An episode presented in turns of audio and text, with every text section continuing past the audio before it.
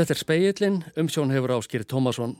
Í þættinum í dag fjöllum við um skort á þjónustu við heilabilaða og aðstandendur þeirra á Norðurlandi. Einnig meinta útrýmingarhættu Kammeber og Brí og annara kvít miklu osta. Fyrst hugum við að stöðum ála á Reykjaneskaga.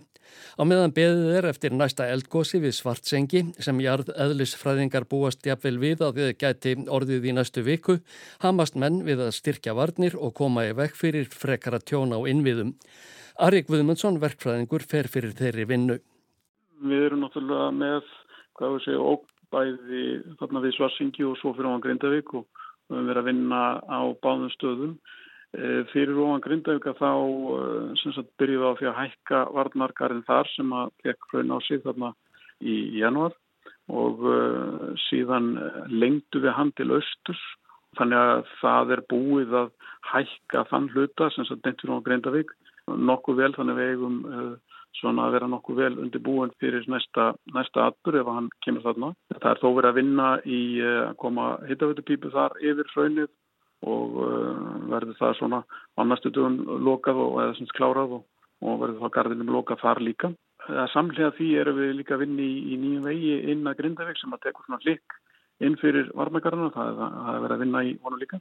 En svarsengismegin að þá höfum við verið að vinna mest í að uh, fergja þá lögn sem að lögð var þarna í nokkur, nokkru hasti um daginn þegar það var heitafarslust á, á sögnisum Uh, hún var lögð á svona vega yfir raunnið. Við gerðum rásón í raunnið og, og komum aðeins neðar og erum búin að setja fyllingu yfir þessa, þessa lögn. Það gerum við til þess að, að þetta sé ekki svona algjöru varnarveggur þegar raunrænslinn kemur eða nýratbæri kemur að það er svona greiða leið uh, yfir uh, lögnina og verð þá lögnina einhverju að leiti fyrir, fyrir hitt áhrifum og, og ruðnís áhrifum frá, frá rauninu.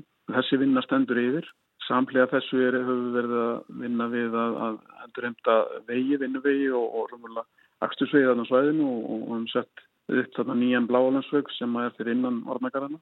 Þá getur við loka meðal annars einu skarði í eh, varnagarðinu og þetta er það sem við höfum verið að reyna að gera undanfendu það er að reyna að sinna ákveðnum verkefnum fann til þess að ná að loka þessum skorðum sem menn eru í garðinu. Það er til dæmis skarð þarna það sem að lögminn kemur í gegn og uh, njörfugurraðin og þetta er svona, já, við viljum svona á endanum geta skilið við hennan garð þannig að, þannig að það séu uh, sem fæst op í honum.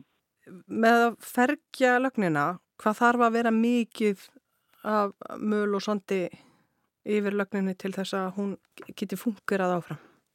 Þetta er náttúrulega kannski tvent við viljum reyna að, að verja hana fyrir áhrifum af rauninu og þess vegna lækku við hans lögnuna sem búið að setja þannig að við kemum aðeins ofan í, ofan í raunvegin. En við viljum ekki setja það mikið ofan á þetta að uh, þetta myndi einhvers konar varnagarð. Þá erum við að fá raunvegsli bara meðframlögninni og, og skilja staði. Þannig að þetta er svona samspil þar á milli, hvað við setjum mikið yfir og að uh, raunvegsli geti þá runnið yfir að svona án mikill að tröflunar á reynslinu. Og þið gerir ráð fyrir því að það sé bara það sem að muni eða gæti gerst núna eða næst eða þar næst að það bara renni þarna áfram og lengra. Við allavega erum að undirbú okkur fyrir það og við höfum gert raunflæði greiningar á því hvað breytist við að raunir anhanna norðan við svarsengisgarðin um daginn. Það sýnir sig að raun, nýtt raun myndi fara í bara svipað á svipað svæði þannig að við höfum verið að undirbú okkur undir þá að verja lagnir sem að, sem að það eru og í því hefur falist á framkvæmdi síðustu daga og veikna. Hvað með raflínur? Það þurfti að keira niður raforkuframleysluna í svartsengi síðast? Mm -hmm. Já, við náðum að sagt áður en að raunir rann og, og þá nýttu okkur það sem við höfum verið með tilurum að, að setja svona varnar keilur í kringum uh, mörsturinn. Settum við svona keilur í kringum tvö mörstur sem, að, sem er svartsengislínni. Það var svona 5 metrar há gardar eitthvað svoleiðis og um, það síndi sig að, að það náði að verja mörsturinn. Hraunrensli fór alveg upp á brún á, á þessum, þessum varnakilum en náði þá að verja lögnuna. Þegar uh, hraunrensli var að koma að, að línunum þá var línan tekin út meðan hraunrensli væri að flæða inn undir línuna og uh, um leið og svona var útsýmið að það var nú að koma stopp í, hraunflæði og, og, og þau mörstur sem þar höfðu verið varin og voru, voru ósköttu þá var línan sett inn aftur og þannig að þetta var svona sem minnst röskun á, á kannuslu. Og línan sjálf þólir alveg hitan frá hrauninu? Það er náttúrulega komið spurning hversu nálagt uh, línunni rauninni fer. Rauninni hækka náttúrulega því sem bætist meira í og þá er þetta alltaf nær og nær línunni og þess vegna var hann tekin út af meðal annars en uh, síðan var uh, hún sett inn aftur vegna þess að það var, var farað góluna og, og raun yfirbori var farið að verja sig. En, en síðan í næsta atbyrði kemur þetta af því að, að raun flæðið er það nálagt línu eins og er núna að lína verið ekki resturhæft en það er verið að undirbúa að færa línun og hækkana það er verið að setja saman þetta nýtt mastur rétt við hliðin á þessum að þessi, þessi lína er. Og hún verður þá færð yfir það þá lagna línu og hefur það meira borð fyrir báru að taka við raunistíðan á þessu svæði. Kaldavas eða vastökusvæðið, lágar, það er þarna rétt við. Teljiðu það sé, að það sé hættu? Ég, það fyrir náttúrulega allt eftir hvað þessir atbyrði vera stóra. Mjög þá atbyrði sem við höfum verið að sjá og þeir eru til til að stuttur og er að koma þá þarna úr sundungagíóraðinni. Þá er, eru lágar svona aðeins fjær í svæði en uh, það þarf auðvitað að hafa augun á, á því svæði líka en, en ef að upptökin verða annar staðar og nær þeim staða þá kann sá að staður að vera mitt í hættu en allavega miður við það er svona það er flöði greininga sem við horfa núna þá, þá ættu lágur að sleppa í, í því. Aðeins aftur til Grindavíkur af því að þið eruð að hækka á lengja varnagarðin sem að þið voru búin að koma þarna upp það eru til teikningar af lengri garði hvernig er staðan á því? Staðan á því er umvel að það er bara í skoðun hjá auðvöldum hvað, eh, hvort að næsti áfungi verði tekin, sagt, eh, verði, verði tekin í framkvæmt og í sjálf og sér eru við bara býða eftir því svona að fá niðurstur úr því. Sagði Ari Guðmundsson verkfræðingur sem leiðir vinnu og varnir vegna jarðhræringana á Suðurnesjum. Ragnhildur Torraðsíus talaði við hann. Hvorki heilabíluðum nýja aðstandendum þeirra býðist við unandi þjónusta á Norðurlandi. Þetta segja talsmenn Solblómsins, félags aðstandenda heilabílaðar á Akureyri sem sendu bæjarstjórn ákallum úrbætur á dögunum. Olga Ásrún Stefansdóttir er meðlemur græsrótar samtakana Solblómsins á Akureyri, auk þess að vera yðjúþjálfi og fjölskyldufræðingur. Solblómið sendi bæjarstjórn á Akureyri á dögunum ákallum bætta þjónustu við aðstandendur sína sem grenst hafa með heilabilun. Samtökin urðu til vegna þessa fjölskyldum fólks sem greinst hafði með heilabilun fannst vanta vettvang til að sækja sér upplýsingar og veita hver öðrum stuðning. Og þetta kemur rauninni sko að ákalli einmitt aðstandenda að hafa einhvern vettvang til að finna jafningja stuðning og geta svona miðla sínu málum og reynslu þessa annast uh, einstakling með heilabilun því það er bara flókið og erfitt verkefni. Ákall Solblómsins er ekki úr lausulofti gripið á ráðstefnu Alzheimer samtakana á Akureyri fyrir áramót lístu sýstur því að þeim hefði fundist eins og þær væru að stinga sér í djúpulögina ósyndar þegar fóreldri þeirra grendist með heilabilun.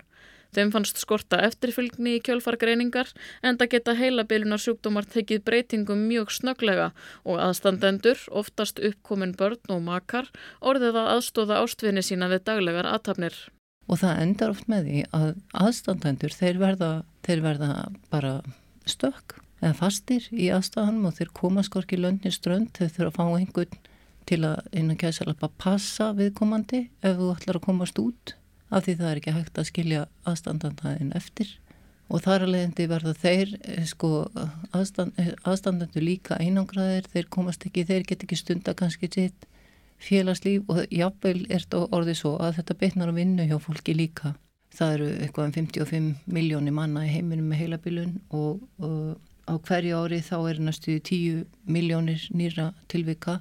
Þetta er svo vaksandi vandamál í heiminum og það sem við rekum okkur á og sérstaklega eins og bæði í rannsókninni minni og svo í þessum hópi er að þú greinist með heilabilun eða sem staðstandandiðin og svo bara sagt gangið vel og þú far kannski viðtal næst eftir sex mánuði og fólk stendur bara með ekkert í höndunum og veit ekkert hverju næstu skref eða hvað þá að gera svo sem segir okkur að við þurfum að bæta þessa þjónustu, við þurfum að gera eitthvað meira og það þarf að vera til eitthvað batteri sem grýpur fólk. Aðstandendur vilja því sjá breytingar en þeir telja stöðuna verri fjær höfuborginni þó staðan þar sé ekki heldur eins og best væri á kosið. Þau vilja bætta þjónustu inn á heimili fólks, ekki sístar sem heilabilaðir geta átt mjög erfitt með ferðir út af heimilinu. Þau telja oft skorti skilning á heilabilun og sjúkdómum innan kerfisins og úrræðin síu eftir því. Það er til óteljandi svoleiðis sögur það sem að, eins og ég segi, það sem að fólk, það er alveg þetta, þú veist að þú færð ekki e, einsmikla þjónust og þarf, e, annar aðstandandi sem hópum tala um það að hérna að, sagt, á, á móður sem að þarf eh, á fullri þjónust að halda en þegar hún e, ringdi og spurði hvað var í bóði þá gátt hún bara fengið e, innlýtt þrjá dag í viku. Og þá var þenni orði já er það bara mamma með heilabilun þrjá dag í viku? En þú veist hún er náttúrulega með þetta alla daga þannig að þú veist það er svona alls konar í kerfin okkar sem eru svona einhverju kassar og ramar sem að við þurfum að bara skoða betur. Og við erum líka reykur á það að það er oflítil þekking á heilabilun í samfélaginu. Það er aukast, fólk er að rekast á veggi varðandi þjónustu bara það sem reynlega starfsfólk þekkir ekki til þessa sjúkdóms. En það kannski að jákvæða eins og það sem við getum sagt hér er að þá fyrir stað í haust í háskólanum ákveðir þá fara nám, sem sagt diplomanám í heilabilun Eitt af þeim úrræðum sem þau myndu vilja sjástanda akureyringum til bóða er þjónustu með stöð fyrir einstaklinga með heilabeilun og aðstandendur þeirra, líkt og segluna í Reykjavík. Þar býður fagfólk upp á sérhæfða þjónustu, ætlaða til þess að viðhalda virkni og sjálfstæði, veita stöðning og hvetja til samveru og samskipta. Einnig þurfi að fjölga dagþjálfunarýmum á akureyri án tafar því margra mánada byggð getur verið eftir að komast í dagþjálfun á hjókrunaheimilinu hlýð. Olga segir bæjarstjórn Akureyrar hafa tekið vel í ákall þeirra en nú þurfi að láta verkinn tala. Hún hefur unnið með eldra fólki og fjölskyldum þeirra um langa hríð og segist því miður ekki hafa orðið vör við miklar framfarir í þjónustunni.